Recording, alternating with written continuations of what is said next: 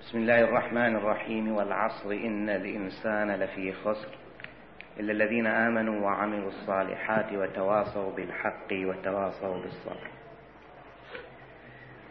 من وصية للإمام أمير المؤمنين علي عليه السلام لأصحابه قال تعاهدوا أمر الصلاة وحافظوا عليها واستكثروا منها وتقربوا بها فإنها كانت على المؤمنين كتابا موقوتا.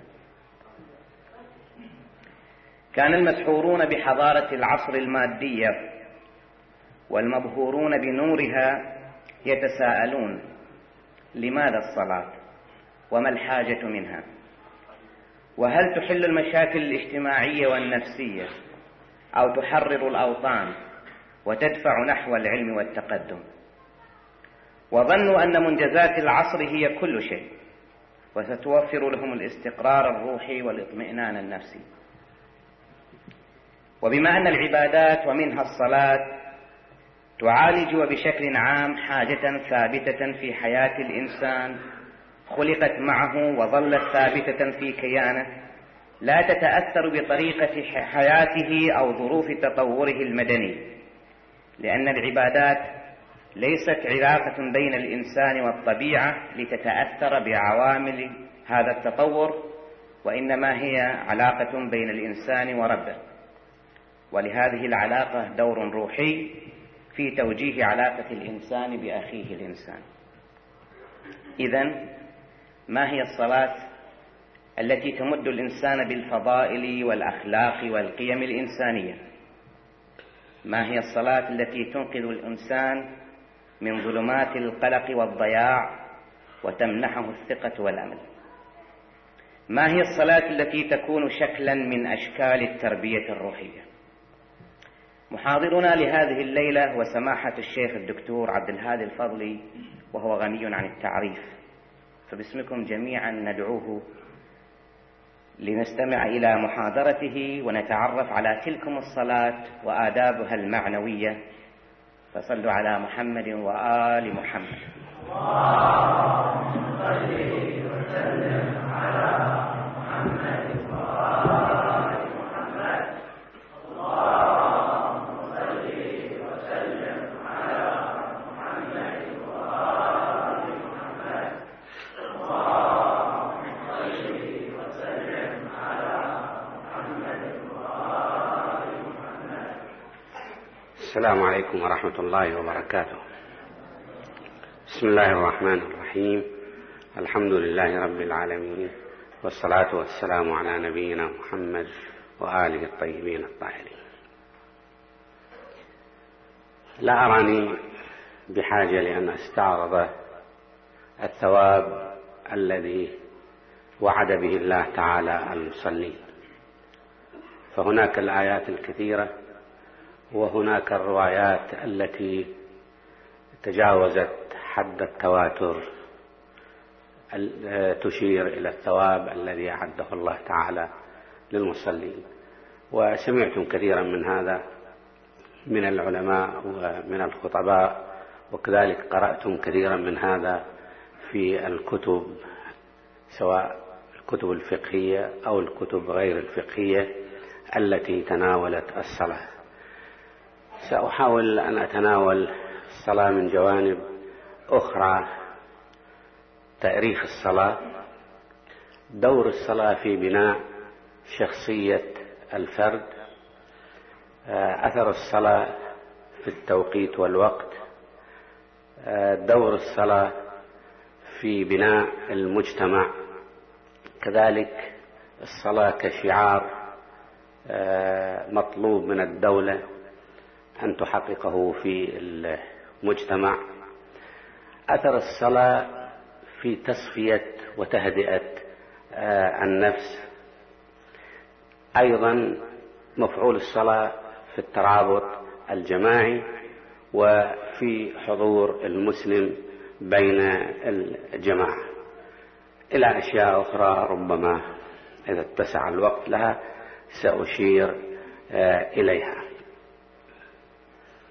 ولعل الإشارة إلى هذه الجوانب أصبحت الآن مطلوبة وبخاصة ما نلمسه من انفتاح العالم بأجمعه على دور التعاليم الأخلاقية في الإسلام في تقويم الأفراد وكذلك في تقويم المجتمعات. وأشرت أظن هنا وفي أماكن أخرى في أكثر من محاضرة إلى محاضرة الأمير تشارلز ولي عهد بريطانيا وكيف نعى على الكنيسة إخفاقها في عدم قدرتها على تقويم أخلاق المواطنين في بريطانيا. ودعا إلى الأخذ بالقرآن الكريم وبتعاليم الإسلام في الجانب العبادي وفي الجانب الأخلاقي لتقويم ما وجه من أخلاق البريطانيين أو المواطنين في بريطانيا.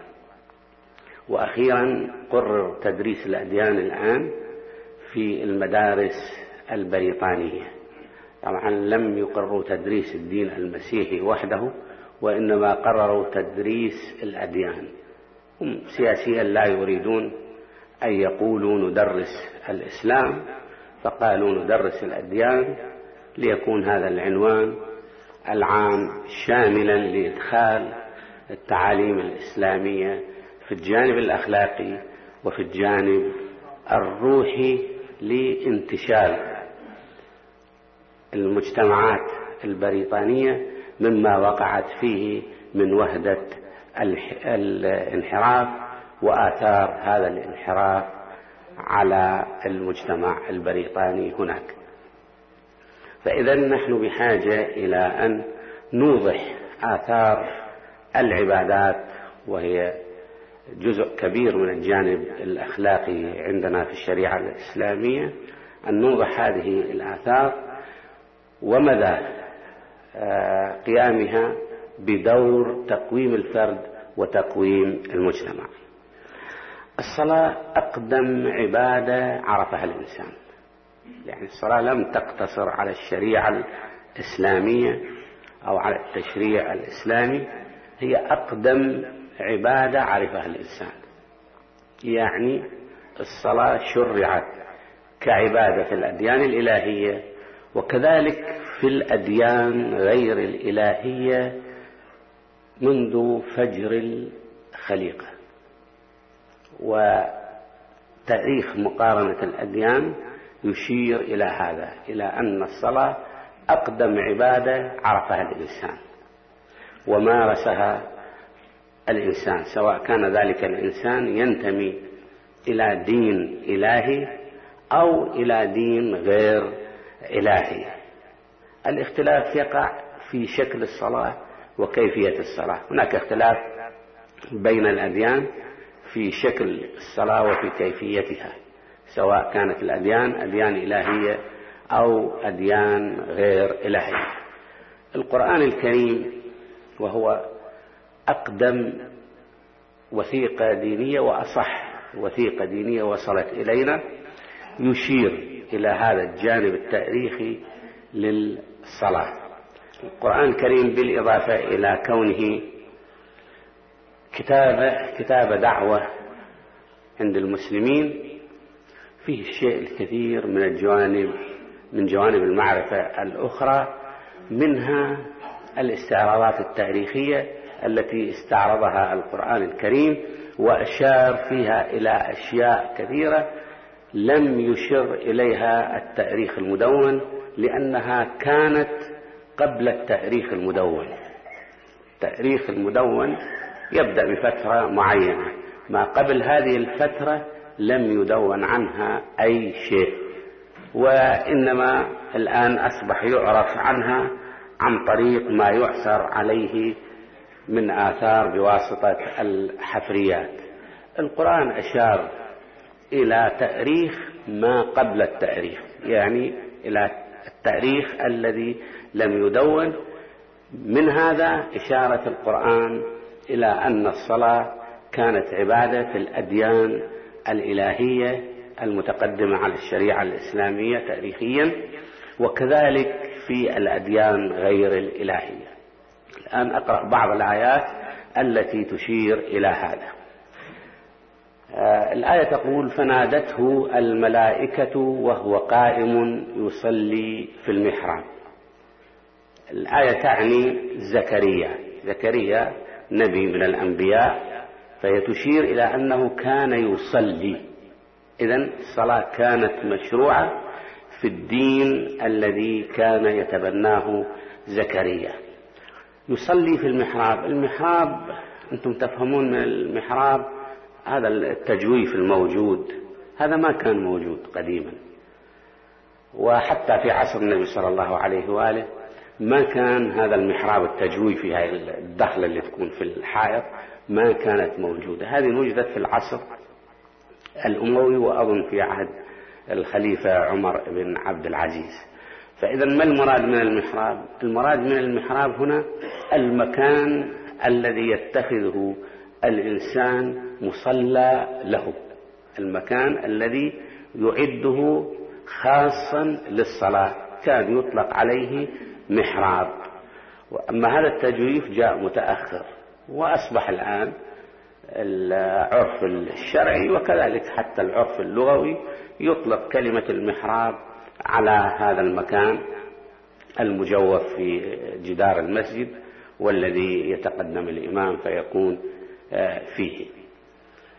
واللغة تخضع للتطور عادة والعرف يخضع للتطور فتتطور الكلمة معه. آية أخرى تقول وكان يأمر أهله بالصلاة عن النبي إسماعيل فإذا الصلاة كانت مشروعة في دين إبراهيم. إسماعيل ابن إبراهيم ويأخذ بدين أبيه آه، إبراهيم. فكان يأمر أهله بالصلاة. في وصية لقمان لابنه والمذكورة في القرآن الكريم يا بني أقم الصلاة. فإذا أيضا كانت الصلاة موجودة ومشروعة كظاهرة عبادية. قالوا يا شعيب أصلاتك تأمرك أن نترك ما يعبد آباؤنا؟ قوم شعيب يكلمون شعيب أو يخاطبون. شعيب أصلاتك. شعيب أيضا كان آه، يتعبد بالصلاة وكانت موجودة في الدين الذي يدين به شعيب. شعيب ليس من الأنبياء الذين لهم آه، شريعة ورسالة وإنما كان يتعبد بشريعة إبراهيم.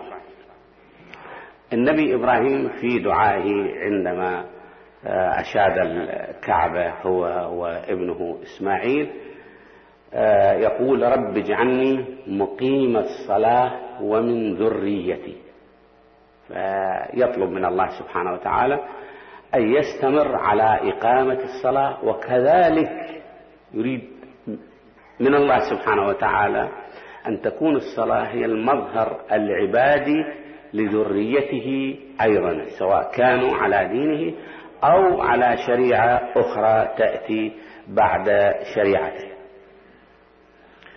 عيسى وهو في المهد عندما كلموه قال وأوصاني بالصلاة والزكاة ما دمت حيا. يعني الصلاة أيضا مشروعة في النصرانية أو في المسيحية كما هي مشروعة في الإسلام. وأيضا في دعاء إبراهيم ربنا أسكنت من ذريتي بواد غير ذي زرع وهو مكة وكانت تسمى جبال فاران في اللغة الأكدية التي هي لغة النبي إبراهيم عليه السلام آه، ما كانت معروفة لقلة المياه ما كانت معروفة بأنها من الوديان الزراعية. ربنا أسكنت من ذريتي بواد غير ذي زرع عند بيتك المحرم. ربنا ليقيموا الصلاة. فأسكن من ذريته إسماعيل وأمه وكذلك ناس آخرين. لماذا؟ ليقيموا هذه الشعيرة وهي الصلاة. هذا بالنسبة إلى الأديان الإلهية وهناك آيات أخرى أيضا تشير إلى أن الصلاة مشروعة في كل الشرائع السماوية والأديان الإلهية.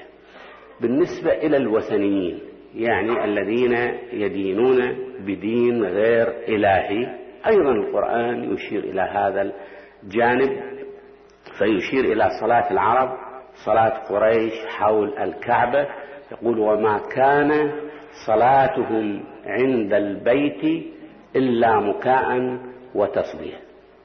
فإذا كانت لديهم صلاة لكن تختلف بكيفيتها عن الصلاة الدينية.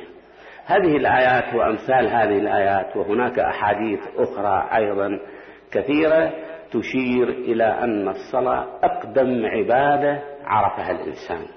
ومنذ أن وجد الإنسان وحتى الآن الصلاة موجودة في الأديان الإلهية وفي الأديان غير الإلهية. الأديان موجودة الآن في الهند على كثرتها واختلافها تجد ألوان من الصلوات موجودة آه، فيها. اليوغا اللي يسموها يوغا أي نوع من الصلاة لكنها صلاة بكيفية خاصة معينة. بعد أن أخذنا فكرة عن تأريخ الصلاة وتشريع الصلاة على مديات حياة الإنسان منذ وجوده على وجه هذا الكوكب حتى يوم الناس هذا نحاول أن نتعرف تأثير الصلاة في بناء شخصية الإنسان. كيف تسهم الصلاة؟ في بناء شخصية الإنسان. ما هو الدور الذي تقوم به الصلاة في بناء شخصية الإنسان؟ وأظن في محاضرة الوقت ذكرت أن شخصية الإنسان تتقوم بالإنماء الروحي والعقلي والبدني بأن يعمل على تغذية روحه وتغذية فكره وتغذية بدنه لتتكامل هذه العناصر فتبني آه، شخصية الإنسان. آه، من الآيات التي تلمح إلى هذا الماحن قل لعبادي الذين آمنوا يقيموا الصلاة. الذين آمنوا الذين يؤمنون بالله يقيموا الصلاة. لماذا يقيموا الصلاة؟ قلنا أن الثواب الأخروي هو الأساس وهو المطلوب لكن إلى جانب هذا لأن الصلاة لها دور في بناء شخصية المسلم. كيف تكون الصلاة لها دور؟ الآية الأخرى في أول سورة المؤمنون تقول قد أفلح المؤمنون الذين هم في صلاتهم خاشعون إذا أدخلنا الخشوع الذي أشارت إليه الآية الكريمة عنصر في الصلاة. هذا الخشوع له دور كبير في تنمية الجانب الروحي. كيف يكون هذا الخشوع؟ له دور في تنمية الجانب الروحي. الصلاة تكرر في اليوم على أقل تقدير خمس مرات. وقد آه، يؤتى بالصلاة أكثر من خمس مرات إذا كانت واجبات أخرى أو مستحبات أخرى لكن على أقل تقدير يؤديها المسلم في اليوم خمس مرات.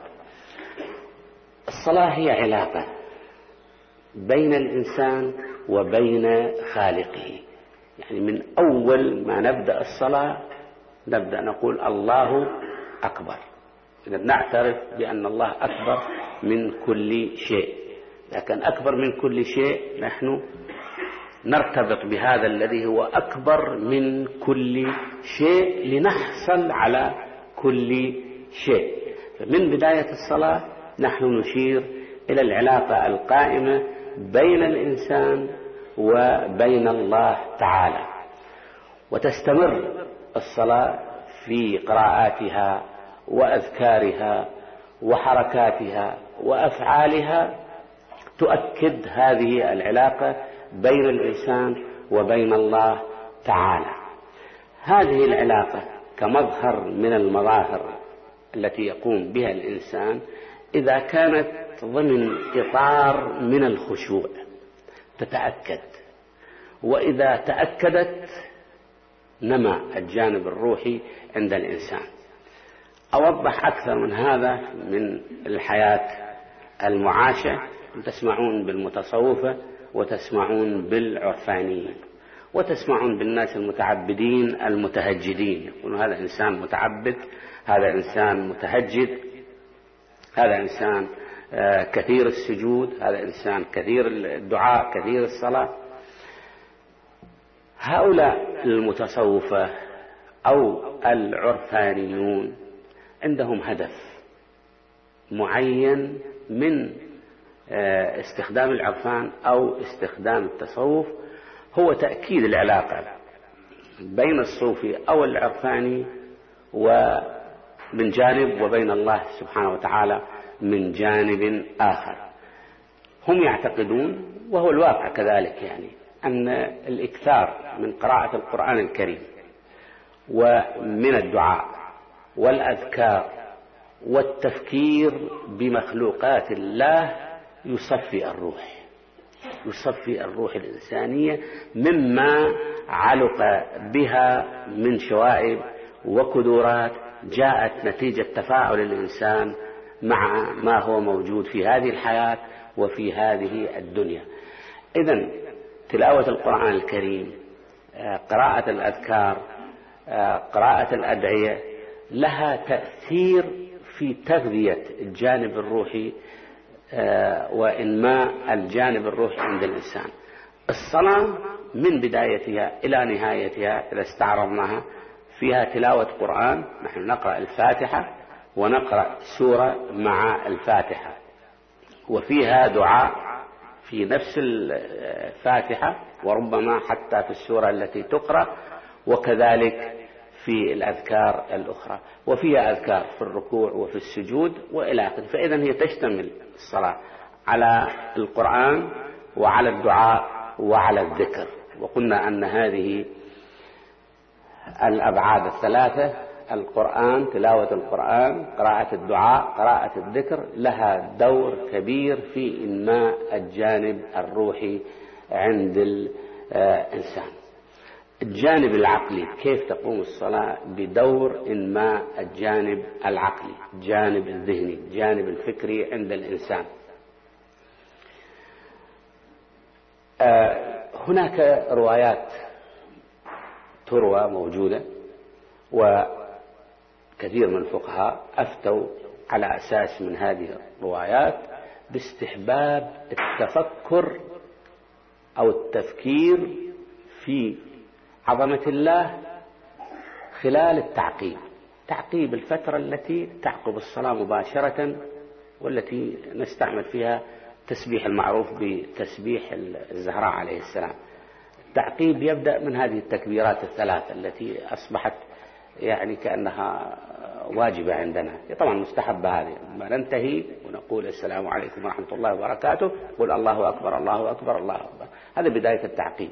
هذه الجزء الأول من التعقيب ثم في التعقيب هناك أدعية مأثورة يستحب أن تقرأ آه، يستحب أن تقرأ سور من القرآن آيات من القرآن أذكار تقرأ أدعية مختلفة تقرأ.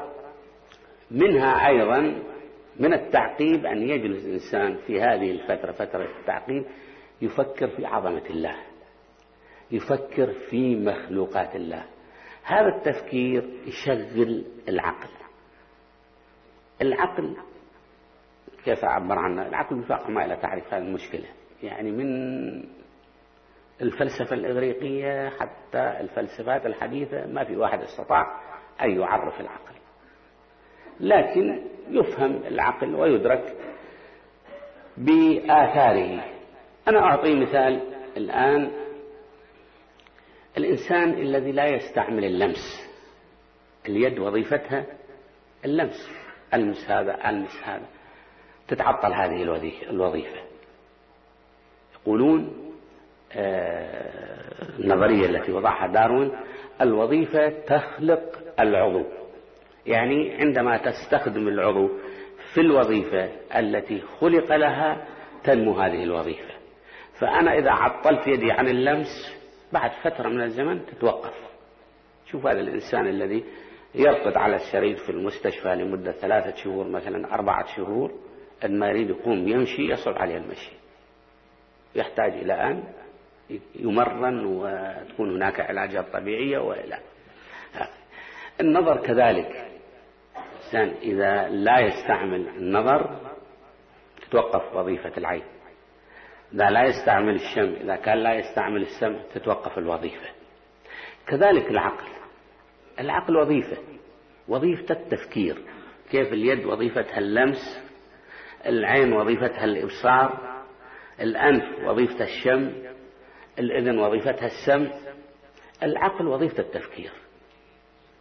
إذا عطل الإنسان عقل عن التفكير لا يكون هناك نمو ولا يكون هناك إنماء.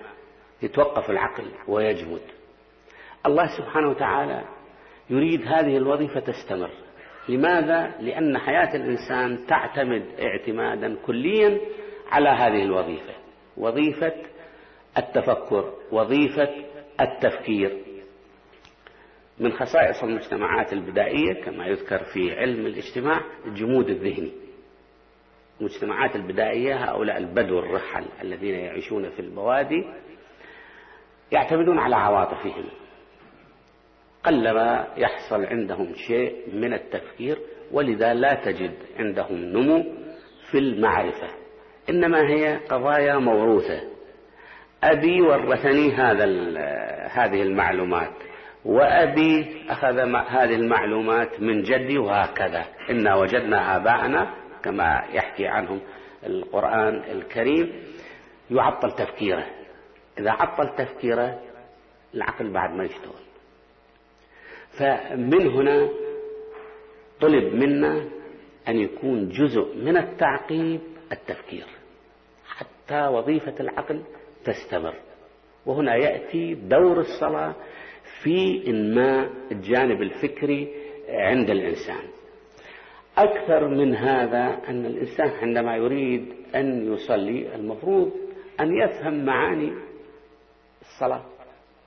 وأن يقرأ الفاتحة. المفروض أن يفهم معاني الفاتحة. يقرأ سورة لنفترض سورة الإخلاص ويقول هو الله أحد أو تسمى سورة التوحيد أيضا. المفروض أن يفهم معاني هذه السورة. عنده ذكر في الركوع سبحان ربي العظيم وبحمده. أيضا يفهم ما, ما معنى هذا الذكر. عنده ذكر في السجود سبحان ربي الأعلى. ما معنى هذا الذكر. عنده تشهد وفي التشهد تجد الشهادتين والصلاة على النبي صلى الله عليه وآله. أيضا ما معنى هذه؟ وأن نفهم ما معنى هذه. كل هذا في المفروض أن آه نتحرك لفهمه لنحرك. وظيفة العقل لتستمر لدينا وظيفة العقل. يعني أنا آه، شفت طبعا لا أريد أن أنتقد لكنه شيء طبيعي ما في مانع أن نكشف عن عيوبنا ونقصنا. في إيران وكذلك في الآونة الأخيرة من, من أيام السيد الحكيم قدس سره وما بعد طبعا تلقى المسيرة السيد الصدر وهو الوحيد اللي تلقى المسيرة من دون بقية المراجع الآخرين مع احترامي للمراجع الآخرين. حملة تثقيفية من قبل طلبة أهل العلم. للناس. يقومون بتعليمهم العقيدة أيضا بتعليمهم الصلاة وتفسير وشرح لمعاني الصلاة. موجود هناك يعني يومية بعد الصلاة إمام الجماعة يطرح كم مسألة ترتبط بالصلاة شو معنى الله أكبر ما هو معنى الحمد لله رب العالمين ما هو معنى اهدنا الصراط المستقيم وهكذا إلى آخر الصلاة. فالناس يخرجون بحصيلة مفيدة وأتمنى أن يكون هذا هنا وعندنا الآن الحمد لله وفرة من أهل العلم من الموجودين سابقا ومن الذين وفدوا لاحقا. وهذه وظيفتهم وإذا لم يقوموا بها يكونون مقصرين وسوف يحاسبون عليها أمام الله وأمام الأجيال الآتية. وأنا أقول هذا بصراحة لأن أصبحنا بحاجة الآن ماسة لأن نفهم تراثنا هذا التراث الفكري لنفهم الآخرين لنبني شخصياتنا على أساس من هذه المعرفة ونعطي الآخرين هذا الفكر لنمهد به إلى أن يكون الإسلام هو الحاكم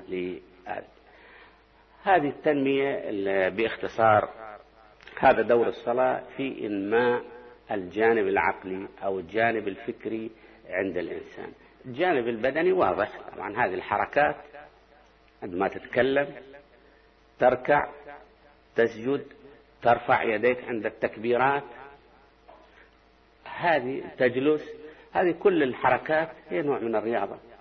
من الرياضة البدنية التي تساعد على إنماء الجانب البدني عند الإنسان. طبعا هي ما ليس المقصود يعني عندما يصلي الإنسان ليس المقصود أن يؤدي الصلاة كحركات رياضية وكأفعال رياضية لكن الفائدة تأتي خلال من خلال هذه الحركة. فائدة تأتينا عندما نتحرك هذه الحركة. وهذا طبعا لا يحتاج إلى أن أتوسع به وأتحدث عنه آه، كثيرا لأنه الآن الرياضة هي التي سيطرت على الشباب وألهت الشباب عن الفكر وعن الأعمال الأخرى. إلهاء عجيب غريب. أنا لا أريد أن أقف يعني ضد الرياضة أو أحارب الرياضة لكن لا آه، المفروض أن لا تطغى الرياضة على الشاب ويترك الجوانب الأخرى المطلوبة آه، منه. يعني شو الجماهير التي تحضر في الملاعب الرياضية وتصرف على الأقل ساعتين. بعد هذا يجي هو هم يصرف ساعتين القادسية غلبت وإلا يسموه الاتفاق أو الأهلي أو النصر ويتخانق مع الآخر. على أي تتخانق يا أخي؟ النصر منك وبيك والاتفاق منك وبيك. يعني أحد أخويك إذا غلب الآخر شو يصير يعني؟ لكنه لي لي لماذا يحدث هذا؟ أنا أشوف يعني حتى عندي بالبيت الأطفال. شو أن هذا ولا أقول لك كذا وانفعل ليه هذا؟ لأن معطلين تفكيرنا إحنا. نتحرك بعواطفنا. لو نفكر يا أخي انتصر النصر ولا انتصر المعاد الأهلي ولا انتصر أي كله سواء. الشيء اللي القبضة إحنا ما هو. الإنسان يتحرك لمصلحة له يكون عنده هدف. مصلحة يستفيدها. انتصرت القادسية ولا انتصر الاتفاق ولا انتصر الوحدة اللي بمكة ما أدري وين. هو النتيجة واحدة. هي النتيجة واحدة. يعني خلي فد يوم من الأيام يتصل الطائر اللي بالحائل بحائل. ليش المسكين هذا؟ يعني ما شوف يعني حقيقة نجي نتخانق ونتضارب ونتعادى وعلى إيه والله لأنه أنا أؤيد القادسية وشون ينتصر الأهلي عليها. هذا ما يصير. هذا كفر. لا, لا ليس إلى هذا الحد. لماذا لأن أعطينا تفكيرنا؟ وأعطينا الرياضة أكثر مما تستحق. قد يكون هناك أهداف لآخرين. لكن إحنا المفروض أن نعمل توازن. نعطي الرياضة ما تستحق. أكثر من هذا ما نعطيها. يعني أنت تصرف ساعتين بالمشاهدة إما مع التلفزيون أو هذا أو في الملعب أو حتى وأنت بالسيارة عن طريق الراديو. بعد هذا هم بالمخانق تصرف لك ساعتين ويا الآخرين أربع ساعات. أربع ساعات أنت لو تحاسب نفسك عليها شو قبضت منها؟ استفدت منها. ما شوف ما شوف فائدة يعني استفدنا شيء منها أبدا. إنما وقت ضيعناه وراح نحاسب عليه. فالصلاة أعود إلى الموضوع. هذه هذا جت على الهامش. تأثير الصلاة في إنماء الجانب البدني كحركات هذا واضح لا يحتاج لأنه كما قلت الرياضة مهيمنة علينا ومسيطرة على عقولنا وعواطفنا ودواخلنا وخوارجنا وما يحتاج بعد واحد أمام هذه آه، يوضح. بالنسبة إلى الوقت الآية القرآنية تقول إن الصلاة كانت على المؤمنين كتابا موقوتا يعني مؤقتة في أوقات معينة طبعا تفهمونها أنتم الأوقات الصبح وكذا إلى آخره. ثم الآية الأخرى توزع تقول أقم الصلاة لدلوك الشمس وغسق الليل وقرآن الفجر إن قرآن الفجر كان مشهودا. توزع الأوقات إلى ثلاثة. ممكن أن أقف هنا وقفة قليلة مع إخواننا أهل السنة. ومؤاخذتهم على الشيعة عدم آه، تخميس الأوقات. مو تخميسها يطلع خمسها لا. الأوقات ما تخمس. تخميسها يعني ما يسوون الأوقات خمسة ويخلوها ثلاثة.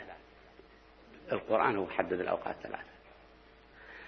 إذا كان أو أريد أن أوضح شيء إحنا لا يهمنا أن تستغل القضايا استغلالا نتيجة تعصب أو نتيجة بغض طائفي هذا لا يعنينا لأن نحن مسؤولون أمام الله ولسنا بمسؤولين أمام سنة أو أمام شيعة أو أمام أي طائفة. إذا كان التشريع قد ورد في القرآن الكريم السنة لا تغير ولا تبدل في هذا التشريع. الدور الذي تقوم به السنة السنة يعني الحديث المروي عن النبي صلى الله عليه وآله عن طريق أهل البيت أو عن طريق الصحابة تقوم بدور الشرح والتوضيح والبيان فقط. القرآن الكريم أوجب الصلاة آيات قرآنية التي قرأنا منها والأخرى التي تقول أن الصلاة واجبة. الحديث الشريف لا يستطيع أن يلغي هذا الوجوب أبدا لأن القرآن مقدم على الحديث وهذا يذكر في علم أصول الفقه ولا أريد آه، أن أذكر لماذا يقدم القرآن على السنة الشريفة. موضوع قد نخرج عن موضوعنا. كل ما أريد أن أقول إذا كان التشريع ورد في القرآن الكريم السنة تأتي بدور الشرح والتوضيح والتفسير ولا تتعارض مع القرآن. القرآن وقت هذه الأوقات الثلاثة. فإذا أخذنا نحن بالقرآن أخذنا بالأمر الطبيعي الذي يتمشى مع المبدأ الإسلامي العام ولا يعنينا الجوانب الأخرى أو أي شيء آخر. الصلاة عندما نأتي بها في أوقاتها في وقتها المحدد من بين الطلوعين وكذلك الظهر والعصر من الزوال مثلا إلى الغروب. هذا يعودنا يعودنا على أن ننظم حياتنا على الأوقات. يتكرر عندك في اليوم كما قلنا على أقل تقدير خمس مرات. إنسان إذا حرك بس يحرك تفكيره يعني لا يتلقى الصلاة كعادة عودته أمه أو أبوه عليها. لا يحاول أن يفكر ما قلنا أنه الصلاة نشرح معانيها وألفاظها وأدعيتها وسورها وهذا. إذا بدأنا نفكر بالصلاة نستفيد من هذا التوقيت. راح نفكر لماذا وقتت هذه الصلاة بهذه الأوقات؟ وممكن نقدمها بالجملة كلها الخمس صلوات عشر دقائق أو ربع ساعة أو نصف ساعة وننتهي. وزعت هذا التوزيع لنستفيد عندما نفكر لنستفيد بأن نوزع أعمالنا الأخرى على الأوقات لأن الفوضى لا تنهي إلى نتيجة. فهذا التوقيت للصلاة يساعدنا مساعدة كبيرة على أن نستفيد منه في توزيع أعمالنا الأخرى على الوقت حتى يثمر ذلك آه، العمل. أنا ذكرت الغروب من الزوال إلى الغروب. أوضح شيء يكون مفهوم عندكم. في غروب وفي مغرب وقد يستعمل أحدهما في موضع الآخر لكن كثيرا ما في الفقه يفرقون بين الغروب وبين المغرب. الغروب هو استتار قرص الشمس. هذا نسميه الغروب. المغرب هو وقت الصلاة عندنا يعني من آه، ثمان دقائق إلى 12 دقيقة حسب اختلاف الفقهاء في التحديد وهو آه، سقوط الحمرة المشرقية عن سمت الرأس كما يعرفون. هذا نسميه مغرب. هناك خلاف بين الفقهاء أوضح هذه النقطة يعني حتى تكون واضحة لكم لأنه يأتي احتياط وجوبي ممكن أن تستفيدوا منه في هذا الجانب وخاصة اللي يعملون في الشركات ويعملون في الأعمال الأخرى. آه، الرأي المشهور عند فقهائنا أن آه، وقت صلاة المغرب يدخل باستتار بسقوط القرص. لكن الأشهر منه أن وقت صلاة المغرب لا يدخل إلا بعد مضي عشر دقائق أو اثنتي عشرة دقيقة من سقوط القرص. فعندنا رأي مشهور ورأي أشهر منه. فقسم من فقهائنا المعاصرين. قد يذهب إلى الأخذ بالرأي المشهور كما كان السيد الخوئي آه، قدس سره آه، وكذلك السيد الحكيم. يأخذ بالرأي المشهور لكن لا يفتي إنما يفتي بالاحتياط الوجوبي. بالنسبة إلى الرأي الأشهر. أنت تستفيد من هذه الناحية فتقلد من يفتي بأن أن صلاة المغرب مع الغروب. وهناك من المعاصرين الآن من يفتي صراحة من دون أن يكون هناك احتياط. طبعا أنتم راح تعدون السنة. لا أبوي شيعي هو ترى مو سني. لأنه روايات قوية موجودة وصحيحة وربما تبلغ حد التواتر في أن وقت صلاة المغرب يتحقق بالغروب كما يتحقق بالمغرب. هذه فائدة على الهامش ذكرتها لمن يريد أن يأكل مع إخواننا إذا دعي. وإحنا طبعا نحب الولائم ونحسب لها كل تأثير الصلاة على الجانب الاجتماعي في المجتمع. الآية القرآنية تقول إن الصلاة تنهى عن الفحشاء والمنكر. كيف الصلاة تنهى عن الفحشاء والمنكر؟ هل عندما تصلي الصلاة تقول لك لا تعمل منكر؟ لا. إنما المصلي عندما يكرر هذه الصلاة وهو يستشعر بأن هذه الصلاة يكررها لتأكيد العلاقة بينه وبين الله تعالى. لا يقدم على عمل فحشاء ولا على عمل منكر كذلك لا يسمح للآخرين بأن يعملوا الفحشاء ويعمل المنكر. أنا أوضح هذا بالأمثلة اللي نعيشها في حياتنا. أنت عندك شخص محترم. أبوك أو عمك أو صديق أو قريب أو بعيد. المهم أنه يعني أنا إذا كنت أرى أن هذا العمل لا يرضي الله لا أقوم به. وهذا الفحشاء والمنكر طبعا لا يرضي الله. المهم كيف أحقق هذا؟ أن أستشعر علاقتي بالله. كيف كما مثلت إذا عندك شخص محترم كيف الآن تحافظ على هالعلاقة وتحافظ على رضاه؟ يقول الأخوين إذا أحدهما عمل عمل يقول لا أمك ما ترضى لا تسوي هذا الشيء. أبوك ما يرضى لا تسوي هذا الشيء. لأنه يستشعر العلاقة. كل ما نحتاج نحن لتكون الصلاة عندنا ناهية عن الفحشاء والمنكر أن نتحسس.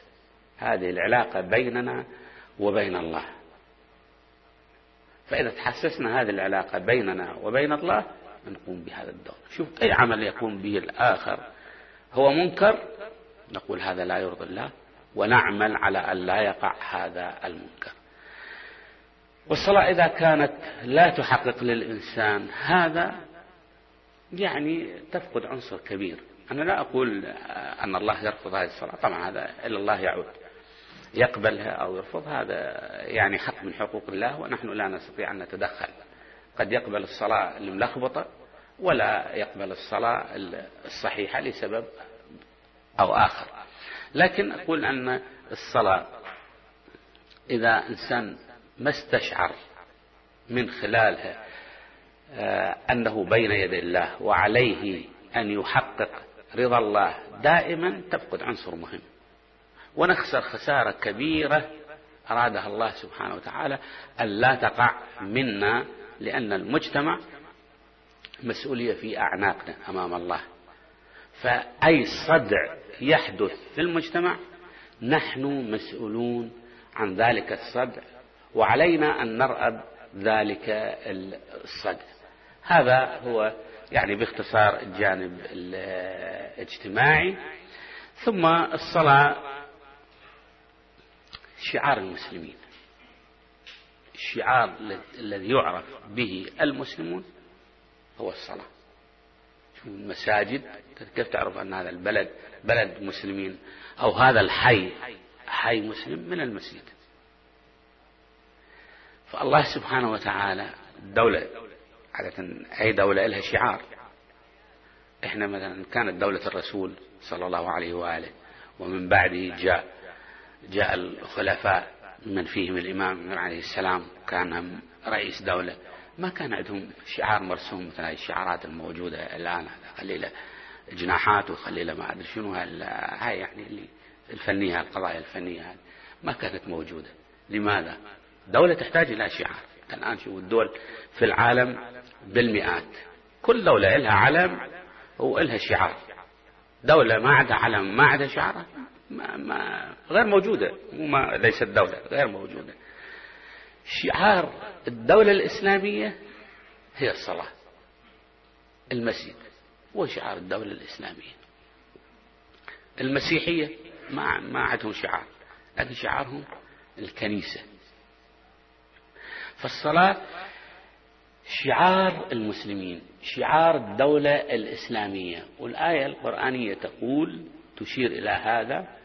الذين إن مكناهم في الأرض أقاموا الصلاة. يعني أنا لو مكناهم يعني أعطيناهم السلطة. هذا مكناهم في الأرض. يعني أعطيناهم السلطة. يعني الآن لو ما بيدي سلطة يعني تسقط عني الصلاة؟ طبعا لا. لا تسقط. إذا هذه الآية تعني شيئا آخر غير هذا. أنه إذا كانت هناك دولة للمسلمين تحرص على الصلاة كشعار للمسلمين وتلزم الناس بالصلاة وتقيم العقوبات على ترك الصلاة كما كان موجود في الدول الإسلامية وكما هو الآن موجود في بعض الدول الإسلامية. كيف نستفيد في الجانب النفسي اللي أشار إلى الأخ هنا طبعا أشار إلى جوانب كثيرة منها الجانب النفسي. الآية تقول استعينوا بالصبر والصلاة. استعينوا بالصبر والصلاة. الصبر يعني عندنا فد شيء يتطلب أن نصبر. لو ما ما تحملنا أو إذا لم نتحمل ولم نصبر حترتب آثار وعواقب. سيئة. كيف أستعين بالصلاة؟ في علم النفس كثير من الطلاب دارسين لعله هذا الشيء. يقولون أن الإنسان إذا كان في حالة غضب وهو قائم يجلس يغير من وضعيته. إذا غير من وضعيته تهدأ حالة الغضب عنده. إذا كان جالس يقوم يخرج يتحرك يتصرف بعض التصرفات مثلا بعضهم يحاول أن كما في بعض الدراسات النفسية الميدانية يحاول أن يقضي على حالة الغضب عنده إذا غضب يشيل شيء ويضرب بالأرض. الطاقة الغضبية عنده صرفها خلاص راح يهدأ. الصلاة لأنها نوع من الحركة. لأنها نوع من الحركة إذا قام الإنسان وصلى يهدأ عنده هذه الحالة النفسية. إذا ضممنا الآية الأخرى ألا بذكر الله؟ تطمئن القلوب. شوف راح يذكر الله سبحانه وتعالى يهدأ. تطمئن يعني يهدأ. وفي آه، شواهد تاريخية تذكر أن كثير من التلامذة أحد الفلاسفة من الفلاسفة اليونانيين أظن سقراط يمكن. موضوع قبل أربعين سنة قاري بس, يعني بس موجود يعني الموضوع. أنه إذا كان لهم حاجة ويريدون أن يقضوا هذه الحاجة أو كانوا يفكرون في شيء ولم يهتدوا إلى نتيجة يذهبون إلى قبره. قبر ذلك الفيلسوف الذي هو استاذهم وهناك يجلسون ويتضرعون. إلى الله تعالى أنه الجلوس عند القبر يعطي شيء من الروحانية. من هنا شرعت الزيارات للقبور ولا يعنينا هؤلاء الذين يحرمون زيارة القبور. هناك روايات كثيرة وتدعو لزيارة القبور. ونحن متمسكون بهذه الروايات. لماذا؟ لأنك عندما تدخل تكون عندك روحانية غير ما لو كنت خارج لاحظ أنت الآن عندما تذهب إلى زيارة النبي صلى الله عليه وآله أو زيارة الإمام أمير المؤمنين عليه السلام أو زيارة الإمام الحسين وكلكم الحمد لله وفق لهذا. عند ما يدخل يصير عنده فتحالة نفسية خاصة. تعلق بالله تعلق بصاحب القبر كوسيلة بينه وبين الله. فالصلاة حتكون وسيلة بينك وبين الله. إذا صليت راح يكون عندك هدوء نفسي. إذا كان هناك قلق نفسي راح يحصل هدوء نفسي. وهذه أشياء مجربة يعني ومذكور حتى في الأحاديث والروايات تشير إلى هذا. دور الصلاة في الترابط الاجتماعي حتى ننتهي لأن أطلنا صلاة الجماعة. صلاة الجماعة مهمة جدا ويؤكد عليه يعني من الاستحبابات المؤكدة أو من المستحبات المؤكدة التي ينبغي ألا تترك. والدولة عادة الإسلامية من وظائفها من واجباتها الحث على صلاة الجماعة. تحث الناس على صلاة الجماعة.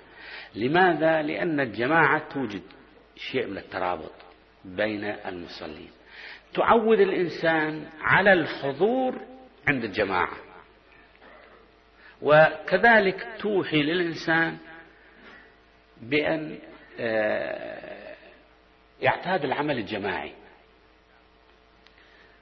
المجتمع الذي آه، يعتمد على الفردية يتخلف. لكن إذا اعتمد على الجماعية يتقدم. إحنا هنا الواقع غريب يعني. عندنا مسلمين عامة ما أقصد في السياحات لا بشكل عام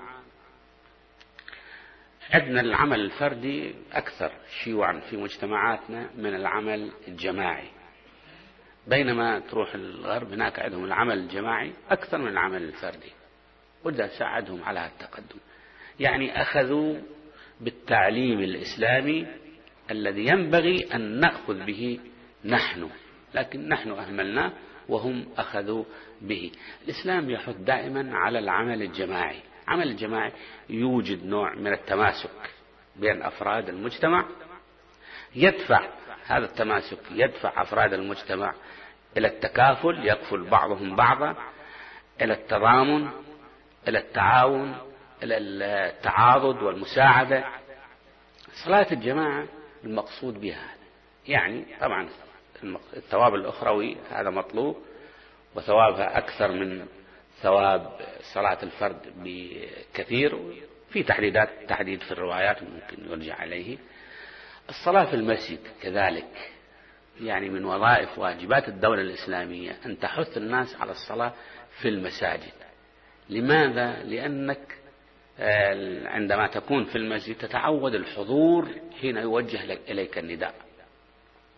هذا اللون من التعويد يعود الإنسان. فالله سبحانه وتعالى أعطانا هذه كلها حتى نستفيد منها في حياتنا هنا طبعا في الحياة الأخرى الثواب كما قلنا. الصلاة أيضا هي أعمق مظهر من مظاهر العبودية لله.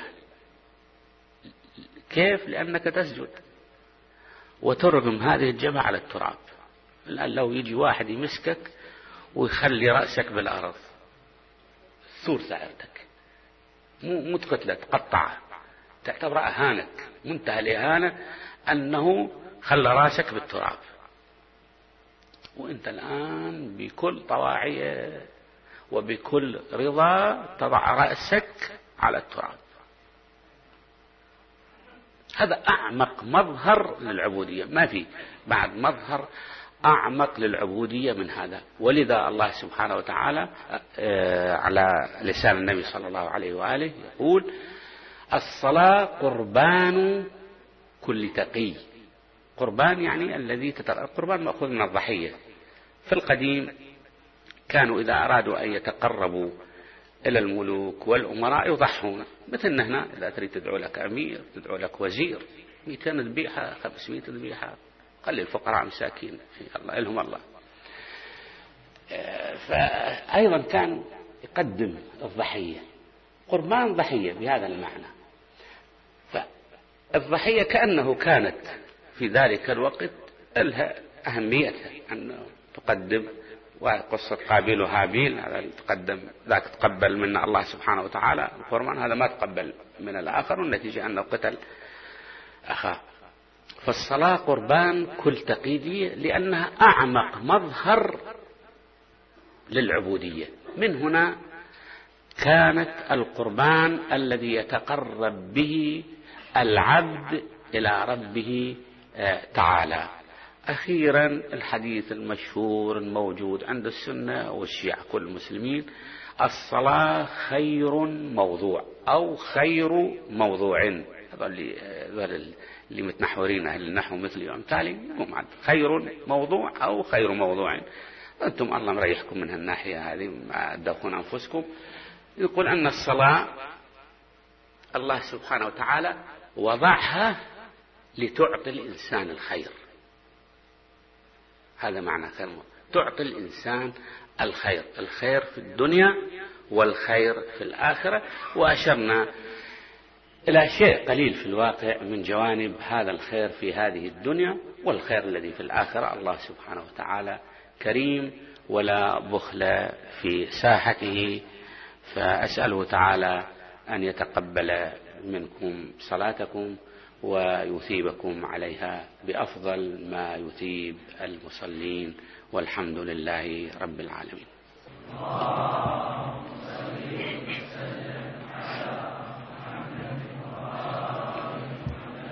باسمكم جميعا نشكر سماحة الشيخ الدكتور عبد الهادي الفضلي على هذه المحاضرة القيمة ولنا أن نستعرض معكم أهم ما جاء في المحاضرة حيث ذكر عن تاريخ الصلاة بأنها أقدم عبادة عرفها الإنسان وأنها شرعت في الأديان الإلهية وغيرها من فجر الخليقة واستعرض أمثلة من القرآن الكريم عن مشروعية الصلاة.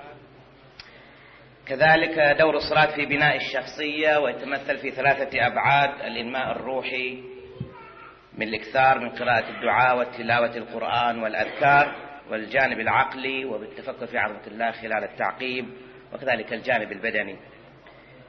والتوقيت أو وقت الصلاة وأنه وزع إلى ثلاثة أوقات للاستفادة من توزيع بقية الأعمال الأخرى على الأوقات وبين الفرق بين المغرب والغروب وكذلك دور الصلاة في بناء المجتمع باستشعار العبودية بين أو العلاقة بين بين الإنسان وربه لتنهاه عن فحشائه ومنكره وذلك بتكرارها.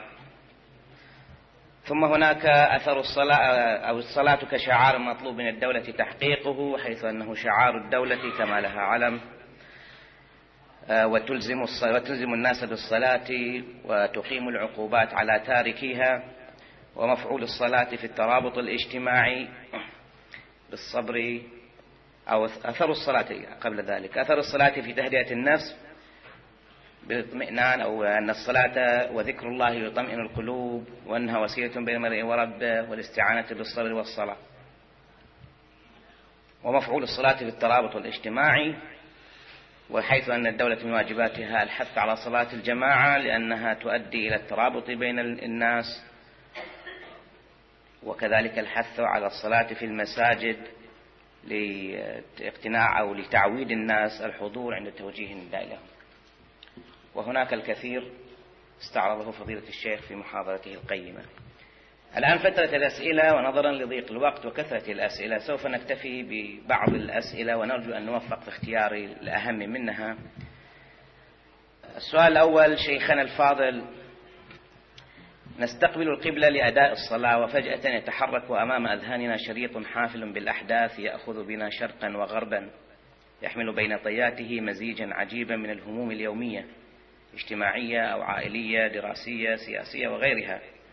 وقد لا ينتهي هذا الشريط إلا عند قولنا السلام عليكم ورحمة الله وبركاته. فهل من حل للخلاص من هذه الكوابيس المزعجة التي تفسد صلاتنا؟ وهل من بديل يلازم أفعال الصلاة قياما وركوعا وسجودا يؤدي إلى مزيد من الخشوع وينتهي بصلاتنا إلى القبول؟ أفيدونا حفظكم الله. هذا يرجع عادة إلى أن الإنسان تلقى الصلاة بشكل تلقين. يعني أمة الله يرحمها أو يخليها علمت الصلاة. طبعا أمة ما هي العلامة الحلي؟ مسكينة. فقيرة الله يعني ما, هي ملقنوها الصلاة تلقين ولقنت ابنها أو بتها مثل ما لقنوها. فهو يقوم يعني يقرأ ويركع ويسجد ويذكر ما يدري لا يفهم أي معنى لهذه الأشياء إلا أنها مطلوبة منه حتى لا يدخل النار مو أن يحصل على الثواب. لا لو ما بها نار هم يمكن ما هذا. خوفا من النار هو يعني يأتي بهذا. طبعا إذا كان بهالكيفية هذه ما يعطيها الاهتمام الذي ينبغي أن تعطى. ولذا آه، كل أفكار تجي أثناء الصلاة. وعن نكتة اللي ذكروها هناك عندنا بالبصرة ذاك الفلاح اللي ضاع المنجل أو المحش ما يسمونه أنتم هنا. ظل يفتش يريد يتذكر وين قال خليها وقت الصلاة هو يجيني وأنا أتذكر لو أن إحنا كما قلت يعني جندنا أنفسنا وأقصد إحنا يعني الناس اللي يفهمون الصلاة الطلبة طلبة العلوم الدينية أهل العلم لتوضيح معاني الصلاة للإنسان المصلي. إذا فهمها راح يدرك أهميتها. إذا أدرك أهميتها حيؤديها بعيدا. عن هذه الأشياء حتى لا تأتي هذه الأشياء أبدا. فالسبب السبب أن الطريق الذي آه، تعلمنا به الصلاة كان بشكل تلقين. طبيعي التلقين لا يفهمنا معناها إنما يحفظنا فقط. فلو حاولنا الآن وأنا أدعو لهذا وعليكم أن تلزموا أسيادنا طلبة العلم وأهل العلم أن يقوموا شوي ينطون من أنفسهم ولو هذا يعني تجاسر بمقامهم العالي لكن ما في مانع أن ينطون من أنفسهم. مو من أجلكم خليكم من أجل الله تعالى. يعلموكم معاني الصلاة حتى تفهموها تماما. الإنسان إذا فهمها ذاك الوقت يعرف أهميتها وتبتعد عنا هذه الأشياء تماما.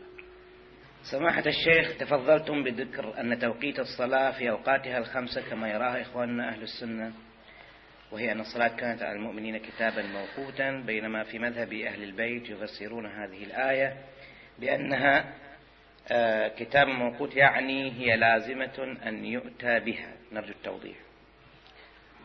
أنا فسرت الأوقات من خلال الآية الأخرى. أقيم الصلاة لدلوك الشمس إلى غسق الليل وقرآن الفجر إلى آخر الآية الشريفة. هذه الآية هي قسمت الأوقات إلى ثلاثة دلوك وهو الزوال والغسق وهو الليل والفجر. والفجر طبعا الصبح معلوم. فالآية القرآنية قسمت أوقات الصلاة إلى ثلاثة أوقات. من الآية أولى أن الصلاة كانت على المؤمنين كتابا موقوتا.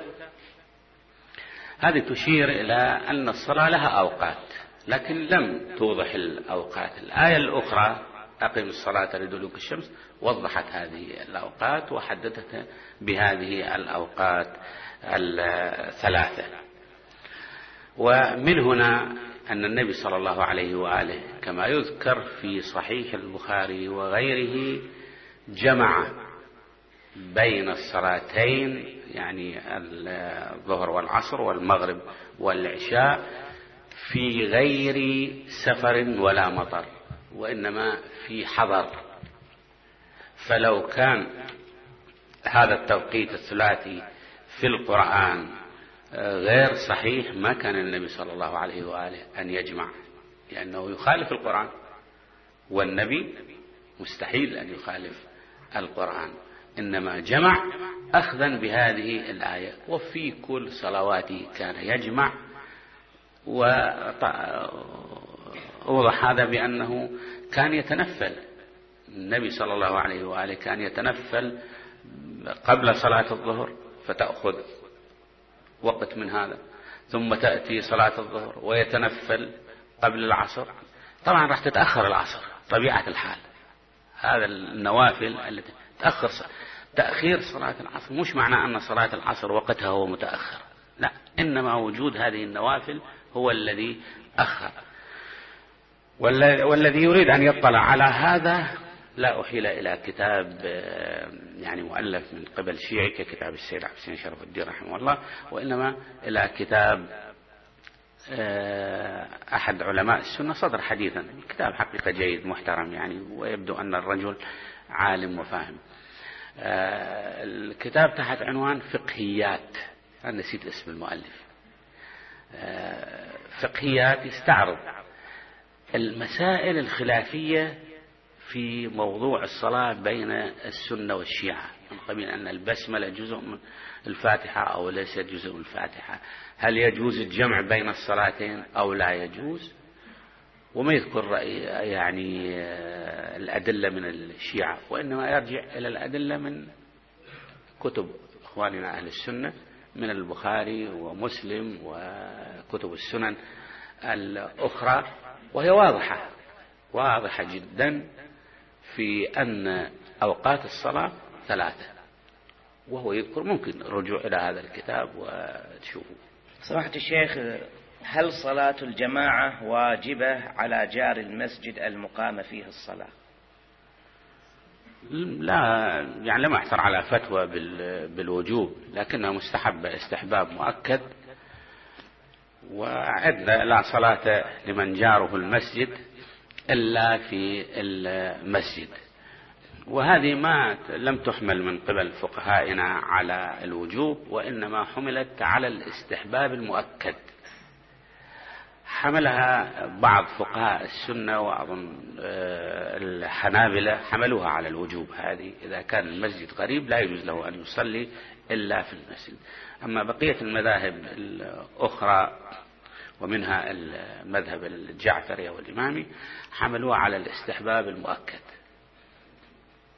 سماحة الشيخ هل الإخلال بمكونات الصلاة كتأخير الصلاة مثلا عن موعدها يتسبب في فقدان معطيات الصلاة بالنسبة للفرد كأن يكون التأثير المعنوي على القائم بالصلاة أقل وما إلى ذلك؟ الوارد في الروايات أن الصلاة إذا أخر الإنسان الصلاة يقل ثواب الصلاة لأنه يفوت فضيلة الوقت كما يسمونه الوقت الفضيلي والوقت المشترك أو للزائد. فالثواب يكون أقل.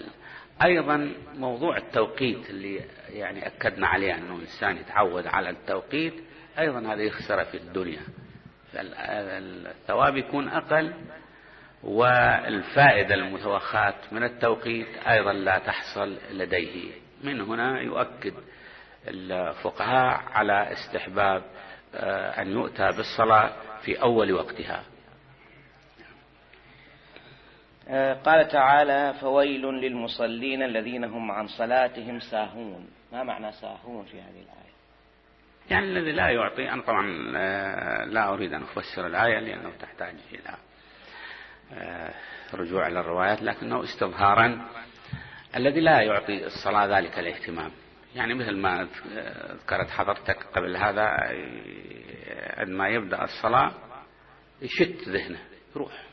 إلى عالم آخر وشنو اشترى من السوق شنو راح ياكل وين اليوم معزوم وشنو راح يقدموا له بالعزيمة وإلى آخر ما هنالك من هذه الأشياء. طبعا هذا ما ما معطي الصلاة يعني شيء من التذكر ساهي عنه.